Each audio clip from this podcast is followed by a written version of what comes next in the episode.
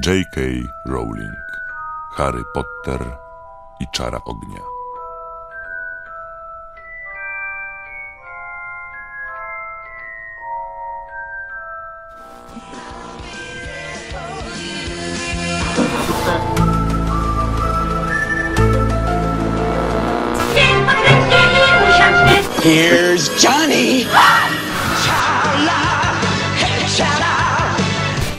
Coming to get you, Barbara.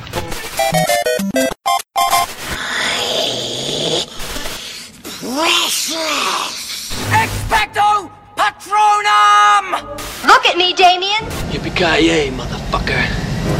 eherbata.pl Gonna be legend. Wait for it. It's a trap. Dairy. Legendary.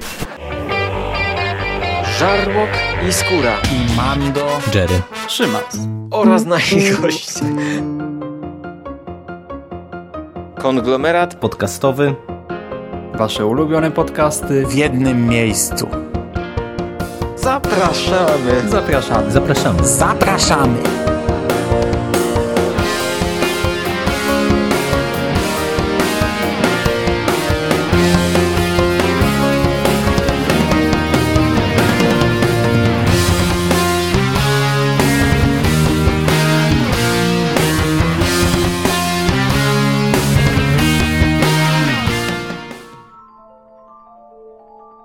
Witamy W konglomeracie, podcastowym, czyli na platformie, która zbiera wszystkie wasze ulubione podcasty. w jednym miejscu.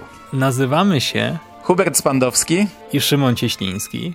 Możecie kojarzyć nas z podcastów Necropolitan. i Radio SK. A dziś Chcielibyśmy opowiedzieć wam o serii książek o Harrym Potterze.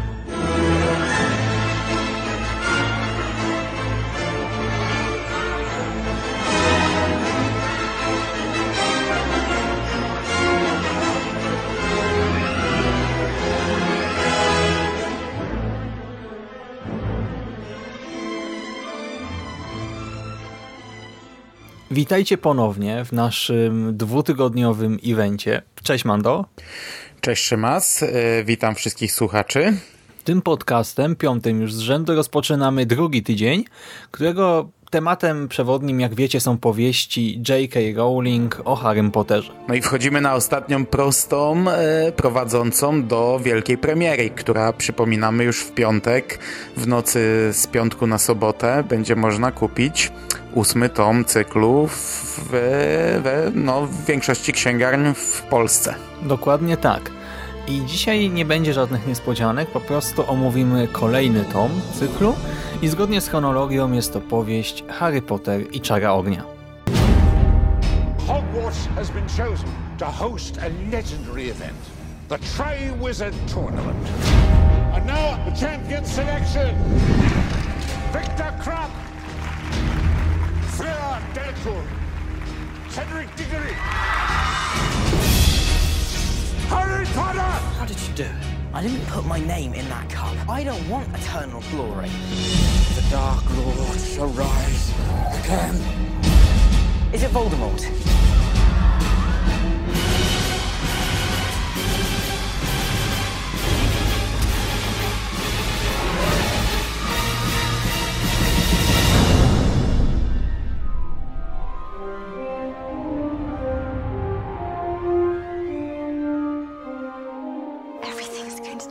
It? Tym razem powieść zaczyna się niestandardowo względem tych poprzednich pozycji, bo nie startujemy opisem wakacji u Dursleyów, a potrójnym morderstwem. I to już jest spory szok na sam początek. Początkowo morderstwo jest dość niejasne, z biegiem czasu oczywiście zyskuje na znaczeniu i staje się konkretnym puzzlem w całej tej czwartotomowej układance. Następnie wraz z Harrym i jego przyjaciółmi trafiamy na finały Mistrzostw Świata w Quidditchu, gdzie oczywiście także dochodzi do kilku niespodziewanych wydarzeń, między innymi do ataku śmierciożerców, do ataku śmierciożerców na Mugoli oraz do pojawienia się mrocznego znaku. Mroczny znak, symbol, y, taka bodajże zielona czaszka z wężem zamiast języka, to coś, co pojawiało się dotychczas w, tam, gdzie zabijano w imię Mrocznego Pana i oczywiście przez wiele, wiele lat nikt nie widział tego symbolu. Jego ponowne pojawienie się wzbudza wiele kontrowersji i w związku z tym także po powrocie do Hogwartu atmosfera no jest Atmosfera jest napięta, no bo y, samo wyczarowanie Mrocznego Znaku to już jest taka otwarta manifestacja poparcia dla Voldemorta, bo to, że na Mistrzostwach Świata mieliśmy te ataki śmierciożerców, o których mówisz, to to jeszcze powiedzmy można tam trochę zbagatelizować, bo to jest takie nasilenie się tego konfliktu, o którym mówiliśmy już wcześniej, że część czarodziejów jednak nadal gdzieś tam skrycie popiera poglądy Voldemorta, nadal chce czystości krwi, ale to są, to byli ludzie zamaskowani, którzy jakoś tam fizycznie fizycznie znęcali się nad Mugolami. Natomiast wyczarowanie Mrocznego Znaku to już była taka otwarta, bardzo wyraźna manifestacja i szok również nawet dla tych ludzi, którzy bawili się w cudzysłowie tymi Mugolami. Dokładnie tak, ale nie samym Mrocznym Panem, nie samym y, sam wiesz kim, sam wiecie kim, sami wiecie kim, nie samym sami wiecie kim człowiek żyje i Hogwart żyje. W tym roku dochodzi do pewnego precedensu, a mianowicie dyrektor szkoły odwołuje wszystkie mecze Quidditcha, a zamiast nich ogłasza turniej trójmagiczny. Jest to rodzaj takiej międzyszkolnej olimpiady dla uczniów, dla uczniów ze trzech szkół magii. Szkoły z Anglii, Bułgarii i Francji. I w ramach tego turnieju, jak wskazuje nazwa, w trzech konkurencjach uczestniczą reprezentanci tych szkół, trzy osoby – jest to trójka starszych uczniów, już bardziej doświadczonych na ogół, a ich nazwiska wylosowywane są przez tę tytułową czarę ognia, czyli właśnie taki no, magiczny przedmiot, który dokonuje ostatecznego wyboru i niespodziewanie w tym roku w niezrozumiały dla nikogo sposób czara wylosowuje także czwarte nazwisko i w ten właśnie sposób Harry zostaje wplątany w turniej trójmagiczny i zarazem tak jak mówiłem, tutaj wybiera się na ogół starszych, doświadczonych uczniów w konkurencje, w których no, można stracić zdrowie, a być może także i życie. I te właśnie dwa wątki, z jednej strony turniej, z drugiej strony ta oficjalna manifestacja, ogłoszenie niejako powrotu Mrocznego Pana są tutaj głównym motywem, motywem przewodnim y, w tym czwartym tomie. No i jak wspominasz wrażenia sprzed lat z lektury? Ponownie, ogólnie Cała książka bardzo dobra, będę miał zastrzeżenia na koniec, ale to już tutaj tak naprawdę na koniec. Po pierwsze, pierwsza rzecz, która rzuca się w oczy, no to to znaczy po pierwsze objętość. Objętość jest już tutaj znacznie większa niż w tych trzech pierwszych tomach, ale w momencie, gdy otwieramy książkę i zaczynamy poznawać jej treść, no to to, co rzuca się w oczy, to zmiana, bo już po trzech tomach troszeczkę narzekaliśmy na, na taki schemat utarty pewien, a tutaj jednak tych zmian jest, jest dość sporo. No nie tylko pierwsza scena e, różni tę książkę, ale właśnie no te mistrzostwa, to było mam wrażenie, takie zastąpienie nam Quidditcha, bo jednak ja mm, wiedziałem już, że w tej książce nie będzie Quidditcha, gdzieś tam musiałem się tego pewnie od siostry dowiedzieć i trochę mi było szkoda, no dostajemy taki długi wstęp na tych mistrzostwach, taką, e, taką, taki złoty strzał, taką końską dawkę tego Quidditcha, żeby nam wystarczyło na, na cały długi tom. Tak, historia i właśnie taki wielki, emocjonujący mecz, y, informacje o różnych zagrywkach, zagraniach, chwytach, dużo tej takiej wiedzy właśnie jak gdyby fachowej, co rzeczywiście zaspokaja w pełni wszystkie potrzeby fanów. No, no a potem właśnie też całkowita zmiana, no bo y, oczywiście jest tam jakaś zagadka w tle, którą oni muszą jak zawsze rozwiązać, która prowadzi nas do jakiegoś mocnego finału, ale nie obserwujemy tak jak zawsze właśnie mm, e, lekcje e, Quidditch, lekcje Quidditch, jakieś tam ich rozterki, tylko bardziej się to skupia na tych właśnie trzech zadaniach, e, to znaczy one wychodzą na pierwszy plan. No i to zmienia dość mocno całą e, strukturę książki, całą tę historię, która jest zawarta w tej książce. Do tego, no, szalenie rozbudowuje ona świat, bo w końcu poznajemy, w ogóle nie wiem, czy, czy dopiero nie dowiadujemy się, nie pamiętam, czy to Tak. było wspomniane we nie, wcześniejszych wydaje tomach. mi się, że tutaj to się pojawia i Hermiona tradycyjnie już mówi, nie czytaliście dziejów magii, nie czytaliście historii Hogwartu. No przecież wiadomo, że są inne szkoły. Dowiadujemy się, że istnieją inne szkoły, poznajemy uczniów, poznajemy jakieś tam tradycje z innych szkół, nauczycieli.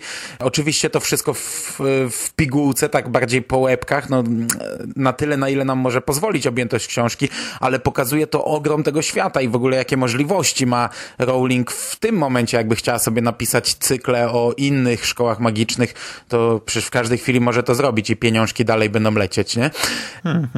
W sumie jeszcze do tego wiemy, że w różnych szkołach, to, to z późniejszych też tomów cyklu działy się ciekawe rzeczy, więc rzeczywiście w sumie potencjał jest. No do tego też historia. Ten tom ponownie gdzieś tam nam e, daje kolejny fragment historii, bo tutaj dowiadujemy się właśnie bardzo dużo o śmierciożercach, o ich procesach, właśnie te mroczne znaki. E, chyba pierwszy raz pojawia się myśl odsiewnia, czyli kolejny taki element budujący ten świat, czyli coś takiego, gdzie można, taka misa, do której można wrzucić swoje myśli i w te myśli jakby się zatopić i obejrzeć e, tak jakby własnymi oczami, uczestniczyć w wydarzeniach sprzed lat, być świadkiem takiego jakby filmu rozgrywającego się w koło e, nas. e. Tak, bo to mogą być i nasze myśli, i cudze myśli. Możemy jak gdyby przeżyć retrospekcję z cudzego życia jego oczami też. No i to tak, tak na w skrócie e, bardzo dobra książka, bardzo rozbudowana, bardzo dużo nowości, ale też powrotów do przeszłości, bo pojawiają się jakieś tam elementy nawet z pierwszego tomu. Przecież mały smok Hagrida tutaj się pojawia. Znów mamy nowego nauczyciela od obrony przed czarną magią. Jest nim szalonooki Moody. Dość nieszablonowy nauczyciel. To mało powiedziane, to jest po prostu dla mnie to było duże zaskoczenie i niezwykle fascynująca postać, a gdy jeszcze okazało się, że znaczy okazało się, tego teoretycznie można się domyślać, bo każdy nauczyciel od obrony przed czarną magią jest istotny dla fabuły danego tomu. Po każdej zmianie wiemy, że będzie jakiś twist z tym nauczycielem, ale jakoś tak czy siak ja się za każdym razem trochę nabieram, po prostu myślę, okej, nowa postać w świecie przedstawionym, a potem mam jakiś epicki, przeogromny twist, który wywraca wszystko do góry nogami i ja znowu jestem potwornie zaskoczony, tak tutaj w tym przypadku także było i No dokładnie. no w ogóle sam koncept wyjściowy na postać, tak, na właśnie e, Boże, jak on się nazywa e, z zawodu Auror. No właśnie tutaj wprowadzono pojęcie Aurora. Wcześniej tego chyba nie było i to też buduje świat, bo to stało się w pewnym sensie jakimś tam marzeniem, jakimś celem Harego, bo to już jest czwarta klasa, oni po piątej klasie będą wybierać takie jakby specjalizacje swoje, w, w, będą wybierać konkretne przedmioty, których będą się od tej pory uczyć.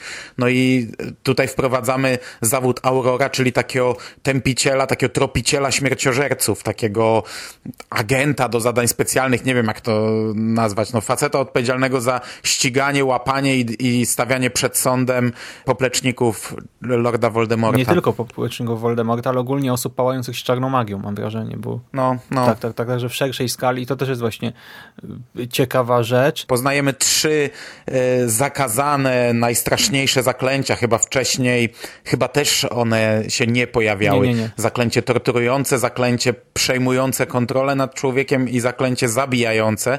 I ta lekcja tych zaklęć daje nam też taką pierwszą możliwość spojrzenia inaczej na postać Neville'a Longbottoma, bo do tej pory on był przedstawiany jako taki trochę, taki trochę ni to głupek, taki, taka trochę komediowa postać, taki grubasek śmieszny, który tam gdzieś się napatoczy, a ta postać dostaje kapitalną podbudowę. To, to on wyrasta na, na tak naprawdę jedną z najciekawszych postaci tego cyklu. Dokładnie tak, bo nagle y, właśnie on był takim troszkę klasowym y, głupkiem, ale nie w znaczeniu błaznem, tylko taką trochę niedorajdą, ciamajdą, która sobie nie radzi na zajęciach, no poza jednymi zajęciami, które są jego ulubionymi, a teraz nagle y, okazuje się, że no, nie możemy już dłużej tak na niego patrzeć. Nawet nie jest tak, że coś nam jest zasugerowane, tylko właśnie jest wywrócona ta postać do góry nogami.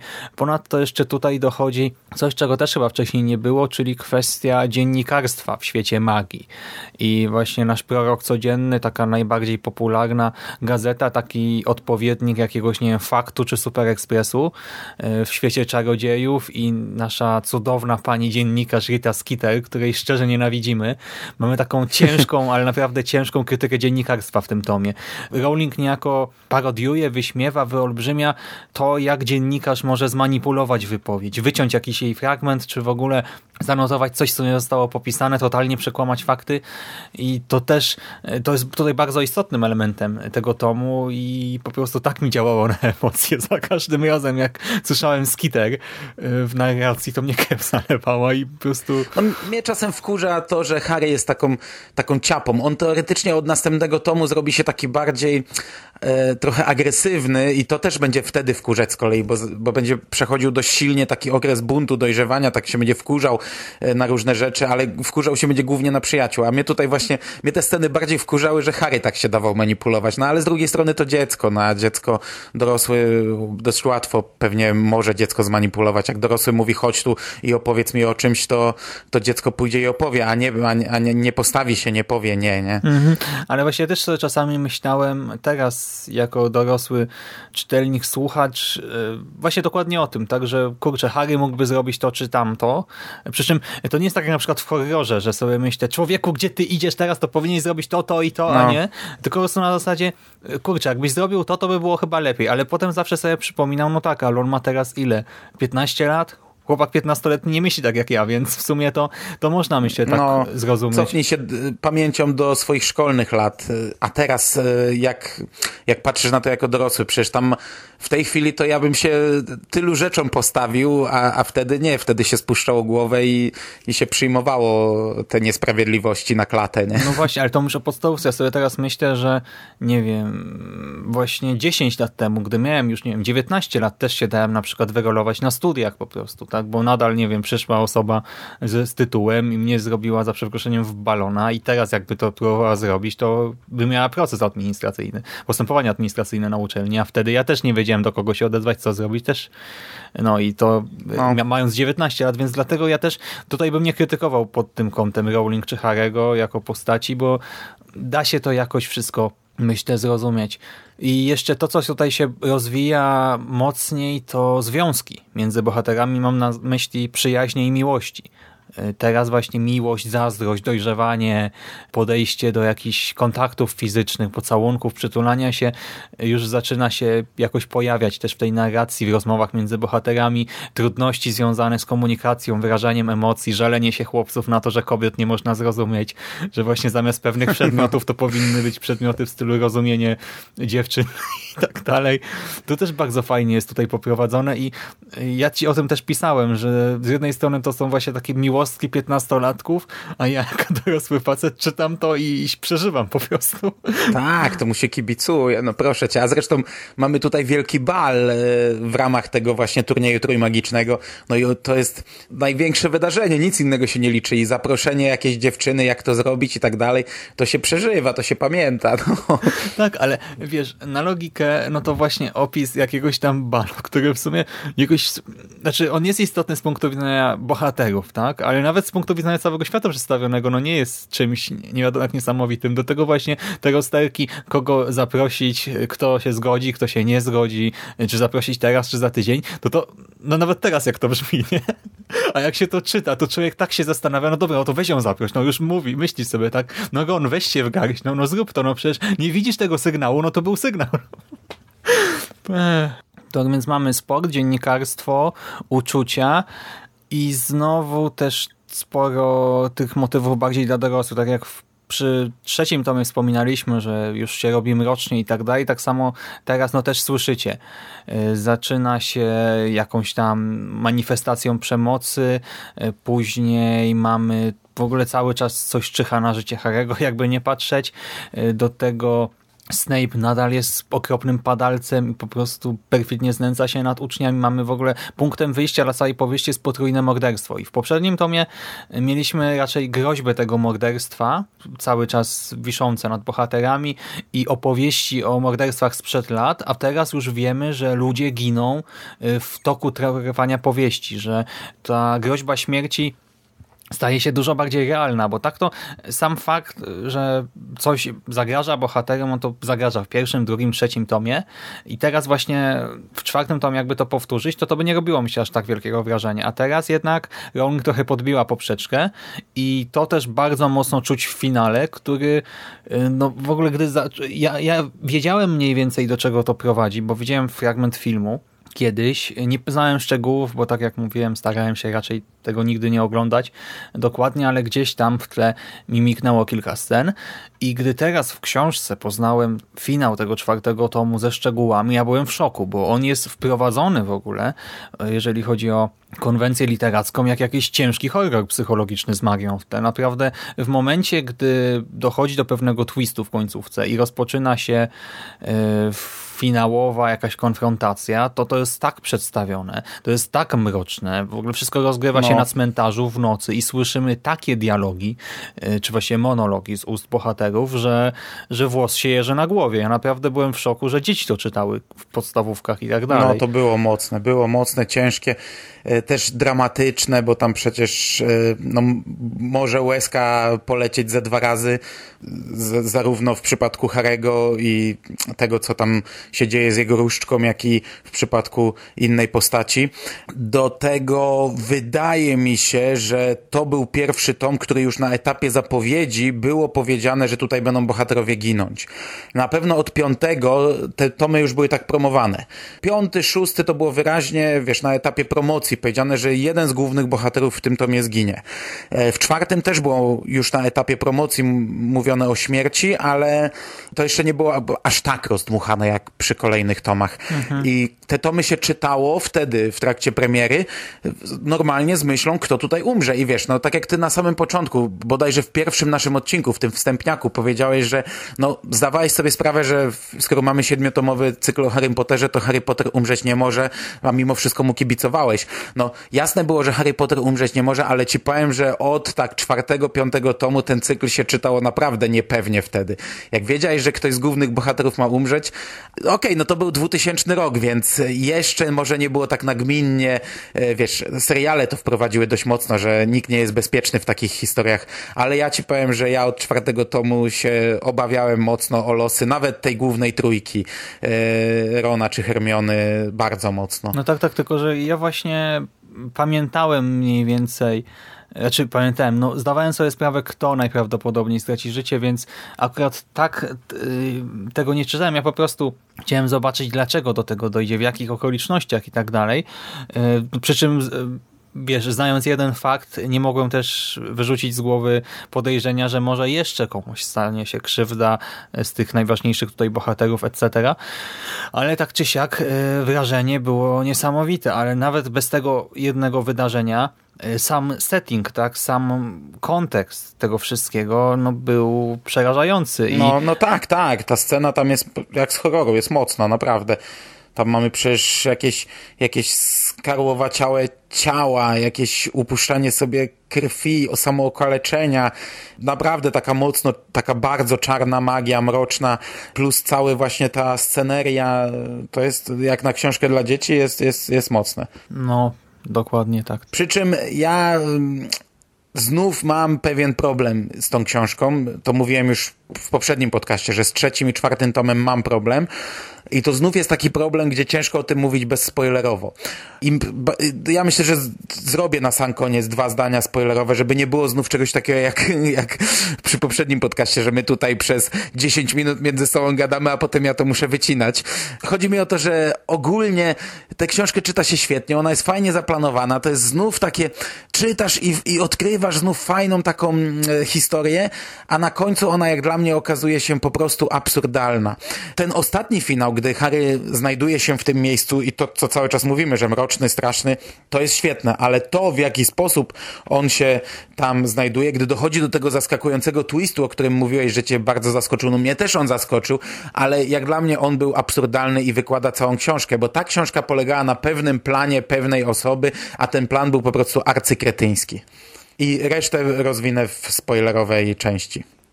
Okej, okay, to ja jeszcze na tym etapie nie wiem, do czego pijesz, e, ale no dobrze, to za chwilę, a teraz jeszcze... Ale według ciebie nic tam nie, żeby nie było, jak ktoś na przykład przerwie słuchanie nas i nie będzie chciał słuchać spoilera, spoilerami, według ciebie nie, według ciebie grało, to nie, nie, nie masz jakichś zastrzeżeń, że na przykład coś ci się nie podobało, było głupie. Na chwilę obecną, no może ja, cię, może ja ci tutaj wyłożę to tak, że zmienisz zdanie. Na chwilę obecną wydaje mi się, że wszystko było w porządku. Okej, dobra, to ja powiem później. No to widzicie, to jak ktoś nas słucha, to, to może ja się mylę, może Szymas, przeczytajcie książkę, wróćcie do, do części spoilerowej, pogadajcie z nami w komentarzach. A na koniec jeszcze myślę, że warto wspomnieć słówko audiobooku, bo to właśnie ten czwarty tom jest tym wyjątkowym w serii audiobooków y, i w nim lektorem y, jest nie Piotr Frączewski, a Wiktor Zborowski.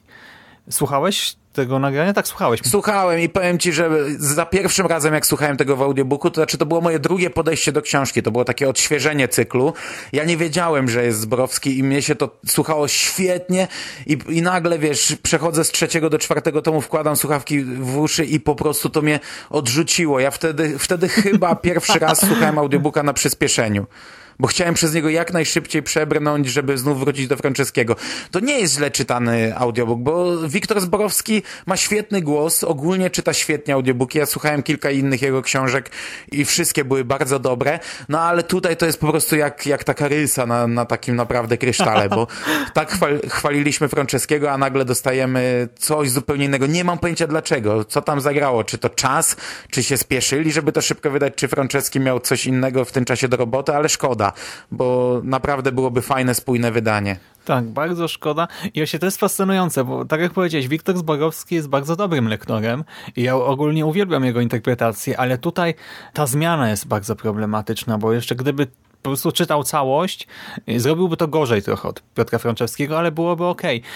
A tak to y, czuć bardzo mocno, że Zborowski interpretuje to trochę inaczej i na przykład o ile ogólnie, wiesz, że ja się przyzwyczaiłem do tej nowej interpretacji, ja słuchałem tak po prostu, bez żadnego przyspieszenia, kombinowania i po prostu po godzinie, dwóch, trzech, czterech, nie wiem ilu, przyzwyczaiłem się do nowego głosu, ale to, co mi potwornie przeszkadzało, to e, głos Voldemorta. Bo Rowling teoretycznie opisuje go e, w opisach, e, w narracji jako właśnie wężowy, troszkę wysoki, czy piskliwy nawet, czy coś takiego.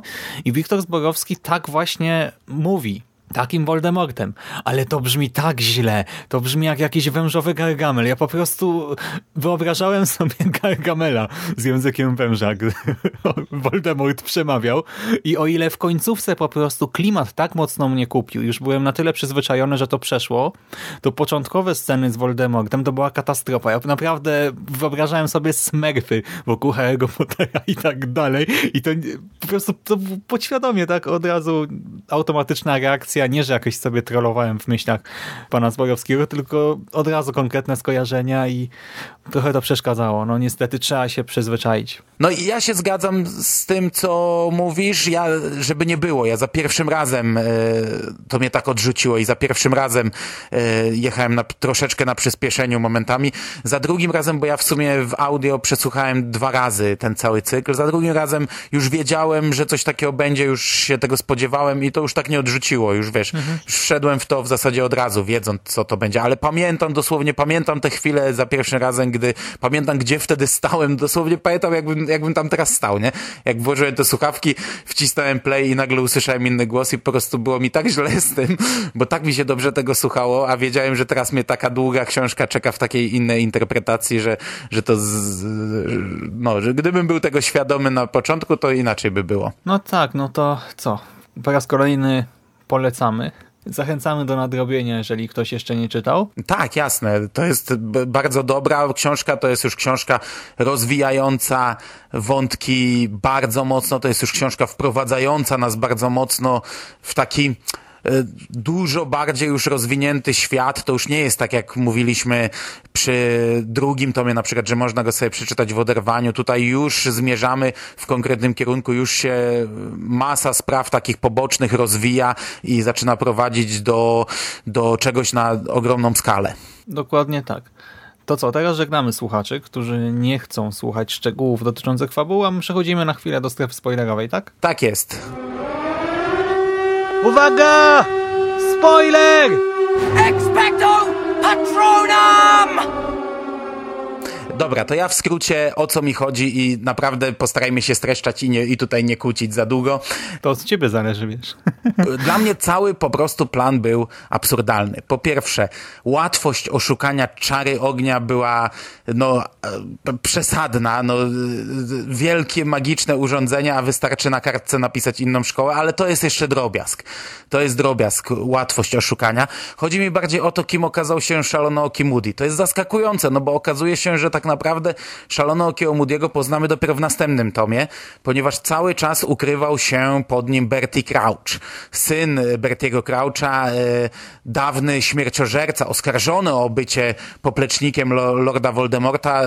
Nie było wiadomo, czy on jest tym poplecznikiem, czy nie. Myśleliśmy, że on umarł w, w Azkabanie. Zresztą to też było bardzo ciekawe wykorzystanie tych samych nazwisk, bo w pewnym momencie Harry Potter widział Bertiego Croucha na mapie Huncwotów, e, nie wiedząc, że patrzy na szalonookiego Moody'ego, a myśląc o ojcu prawdziwego Bertiego Croucha, e, tego, który tam tak naprawdę chodził, a on był pod wpływem eliksiru wielosokowego, to wszystko fajnie wyjaśnione, bo szalonooki Moody pił tylko z własnej butelki, bo bał się otrucia, on był takim paranoikiem trochę, no i cały czas sobie popijał e, eliksir wielosokowy, a prawdziwego szalonookiego Moody'ego trzymał cały czas schowanego i wyrywał mu włosy, żeby ten eliksir mieć. Natomiast mhm. co mi się gryzie i co mi wywala tę książkę, to jest to, że cały ten arcyplan miał doprowadzić do sceny, w której Harry dotyka pucharu, który okazuje się być świstoklikiem, który przenosi go na cmentarz.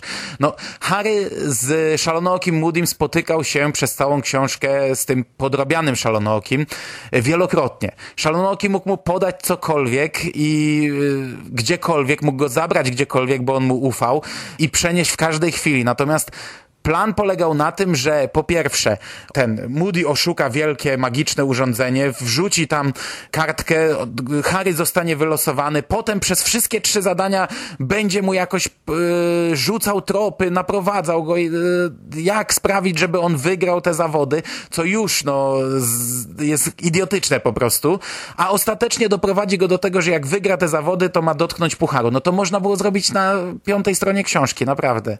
Nie był potrzebny cały ten turniej, naprawdę ten plan był głupi. Ten plan wykładał tę książkę. Nie wiem, kto wymyślił ten plan. No, ja bym nie wymyślił czegoś tak głupiego. Hmm. Zastanawiam się. Daj mi No chwilę. to ciężko znaleźć argumenty. No okej, okay, dobra, z zamku teoretycznie nie mogli się deportować, czy tam aportować. Czyli na zamku pewnie nie mógł mu podać świstokliku w Hogwardzie. No nie musiał go wyprowadzić. No ale w Hogsmeade już by mógł, a chyba byli w Hogsmeade w tym tomie, nie? A to nie był żaden problem, żeby Szalonooki wziął go na bok i powiedział, ty masz tutaj, weź to. I on by to wziął pewnie, no. No było to głupie, no, no doprowadzenie... Tak, ale wtedy łatwo by było skojarzyć, jeżeli wiesz, Harry by był na przykład u niego na konsultacjach. No ostatecznie coś. też skojarzyli bez problemu, nie? a zamiana w, e, wiesz, w wielkim turnieju, który jest e, tak naprawdę mistrzostwami świata, łączy wszystkie szkoły magii, zamiana pucharów, świstoklik, e, to jest, no. No tak, ale kurde. to ma znowu sens, y, jak gdyby PR-owy, bo i, i, wpływa po prostu na publikę, na opinię publiczną, bo właśnie wielki finał, wszyscy czekają na, wiesz, bo zakładając, że plan się powiódł, to ja to jestem w stanie kupić, bo wtedy, wiecie, wszyscy czekają na zwycięzcę, tak? Czekają na zwycięzcę, czekają na zwycięzcę i nagle na przykład, nie wiem, okazuje się, że właśnie Voldemort się odrodził, Zresztą może też zwlekali, dlatego że potrzebowali czasu na jakieś przygotowania na te wszystkie mikstury i inne rzeczy, które tam gotowali sobie na cmentarzu. I wiesz, Voldemort się odrodził, ma swoich śmierciożerców i na przykład powracają i na chwilę nawet do tego labiryntu i rzucają tam mroczny znak. I gdyby w ten sposób zakończył się turniej trójmagiczny, no to wyobraź sobie, co to robi z psychiką właśnie całego świata czarodziejów. Dzieciaki nie powróciły, a jest mroczny znak, więc zakładając, żeby się to powiodło, to moim zdaniem to nie jest takie absurdalne. Bo rzeczywiście, jeżeli teraz się nie powiodło, no to można założyć, że to jest pretekstowe, można było to zrobić inaczej. I do tego też pamiętaj, że mam do czynienia z wariatami, bo Crouch normalny nie był, ale no nie tak, no, no, no, tak, no Voldemort nie był normalny. No. To, co Voldemort mówi na cmentarzu do Harego i w ogóle do wszystkich, no to Po prostu to jest... Ale, to, ale ja pamiętam, ja, ja fajnie rozkminiałem to, co on mówi na cmentarzu, bo on tam wzywa nagle śmierciożerców, się pojawia ich część i on tam mówi, że mówi o, o swoim tym wielkim słudze, mówi, że, ci się, że tutaj się ktoś nie pojawił, że tych czeka śmierć.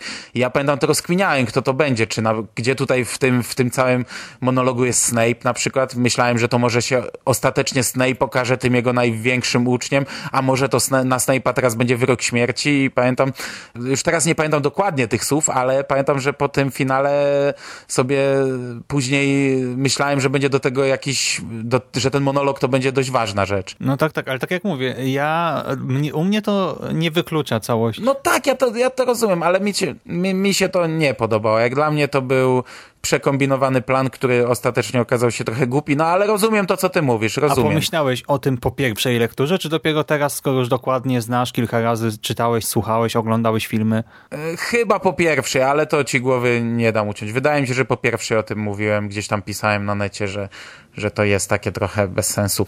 E, no ale rozumiem to, o czym ty mówisz i to, ale to też nie wykłada moim zdaniem aż tak, e, to na przykład w trzecim tomie bardziej mi się nie podobał ten zmieniacz czasu, bo on wpływał na e, postrzeganie całego świata, a tutaj po prostu mamy plan idioty, trochę plan takiego szaleńca, no nie idioty, tylko szaleńca.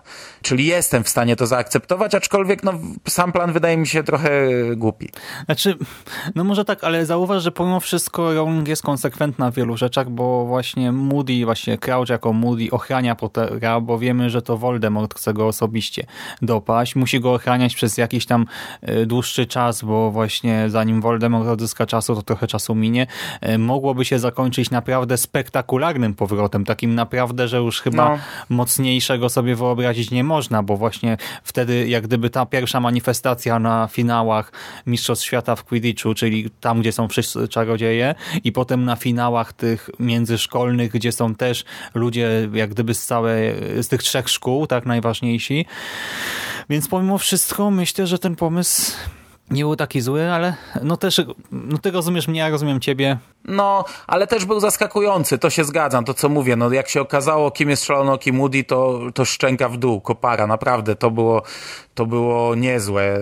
I właśnie te, te, te całe zagrywki wcześniej z ojcem, y, z synem, śmierć ojca, potem nagle widzimy kogoś na mapie Huncwotów, kto powinien nie żyć, w ogóle nie, nikt nie pomyśli, że to może być syn, który umarł przecież dawno, dawno temu i tylko gdzieś tam został wspomniany, a na końcu okazuje się w ogóle, że to nie jest szalonooki Moody, który był przecież, kurczę, pozytywną postacią, szaloną, dziwną, e, no dość... e, niekonwencjonalną, bo ta lekcja e, z tymi zaklęciami no była trochę przesadą. E, Zamienił Malfoja we Fredkę, kocham go. no, kocham gościa. no ale wiesz, ale też doprowadził tego e, Neville'a trochę do łez, chociaż, chociaż nie, w sumie nie, on tam bardzo szanował, tak teoretycznie się wydawało Neville'a za to, za to kim jest, za, za to, co zrobili jego rodzice. Po prostu pokazanie tych zaklęć w pewien sposób tam pokazało Neville'a w takim smutnym kontekście, ale no to była pozytywna postać, ją się lubiła, a tu na końcu się okazuje, że my w ogóle go nie znamy, że teraz zacznie się piąty tom i my nie wiemy, czy będziemy lubić tę postać, czy nie, jak on się będzie zachowywał, E, wiesz, e, będzie spotka się z Harrym, a tutaj w ogóle co wspominać, te, te, te, te całe, cała geneza tych dwóch postaci, ich pierwszego kontaktu nagle się okazuje być czymś zupełnie innym, nie? Także to fajne, to naprawdę coś bardzo zaskakującego. I nietypowe też dla literatury, przynajmniej ja nie kojarzę innego takiego No. przykładu teraz nawet. No dobrze, no to kończymy chyba na dzisiaj. Tak, to by było na tyle. To co, dzięki serdeczne za rozmowę Ja również dziękuję. i do usłyszenia jutro. Trzymajcie się. Cześć. Cześć.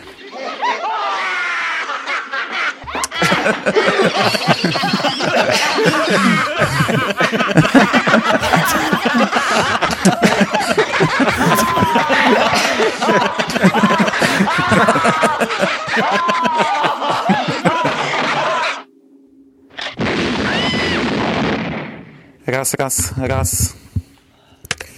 Ja już jadę. Dokąd?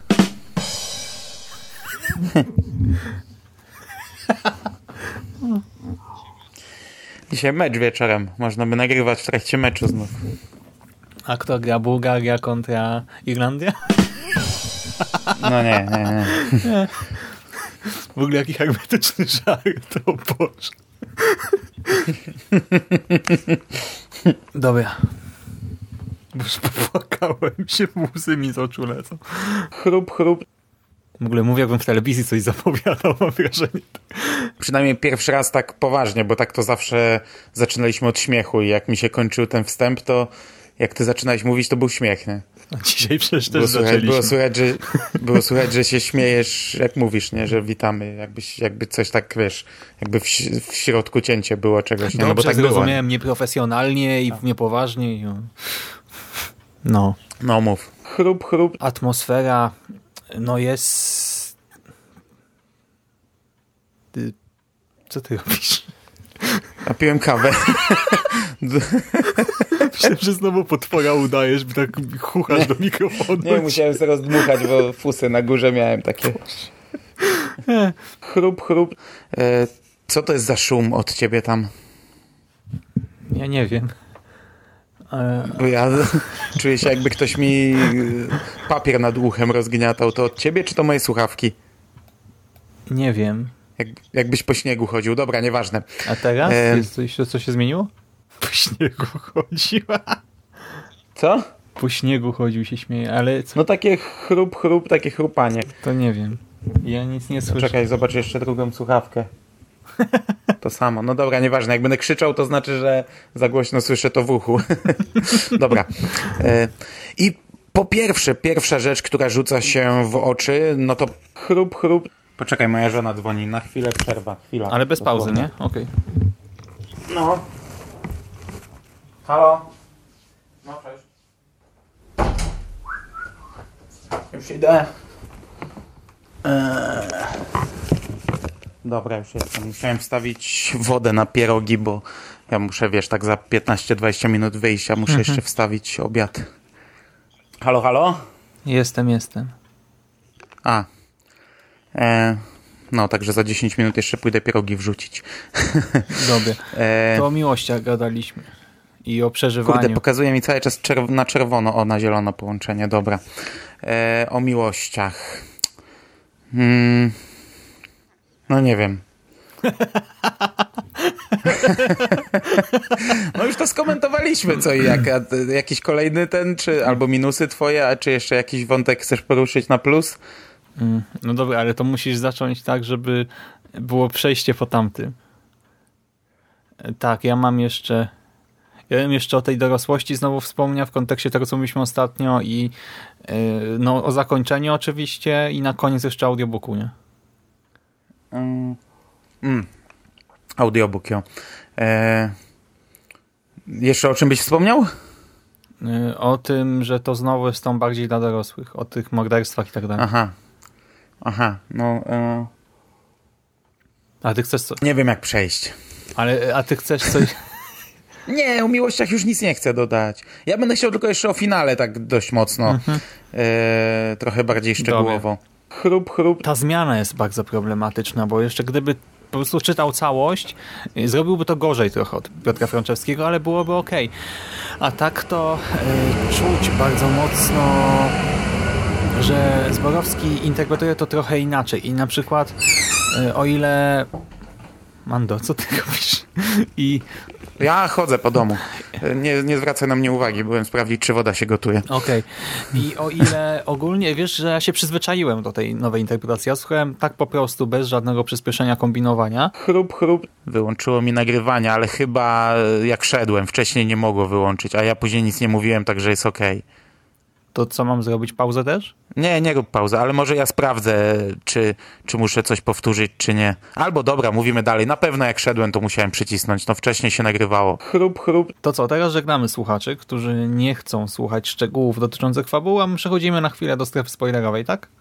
Tak jest. Tylko poczekaj, ja wrzucę pierogi jeszcze do garnka i zaraz jestem. I max 10 minut, nie dłużej. No ja nie mam jestem. nic, więc...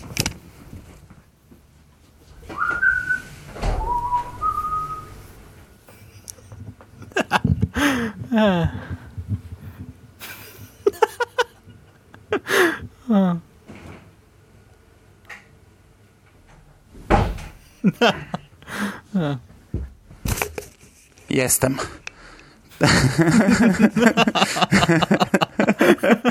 tak się robi, kurde, radio w ogóle w domowych warunkach, nie?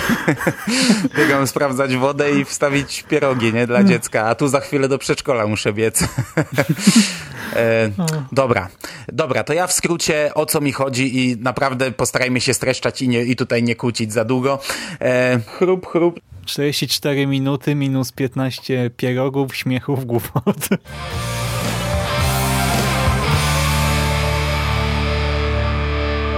Finished? That's it, man. Game over, man. It's game over. What the fuck are we gonna do now? What are we gonna do? It's over.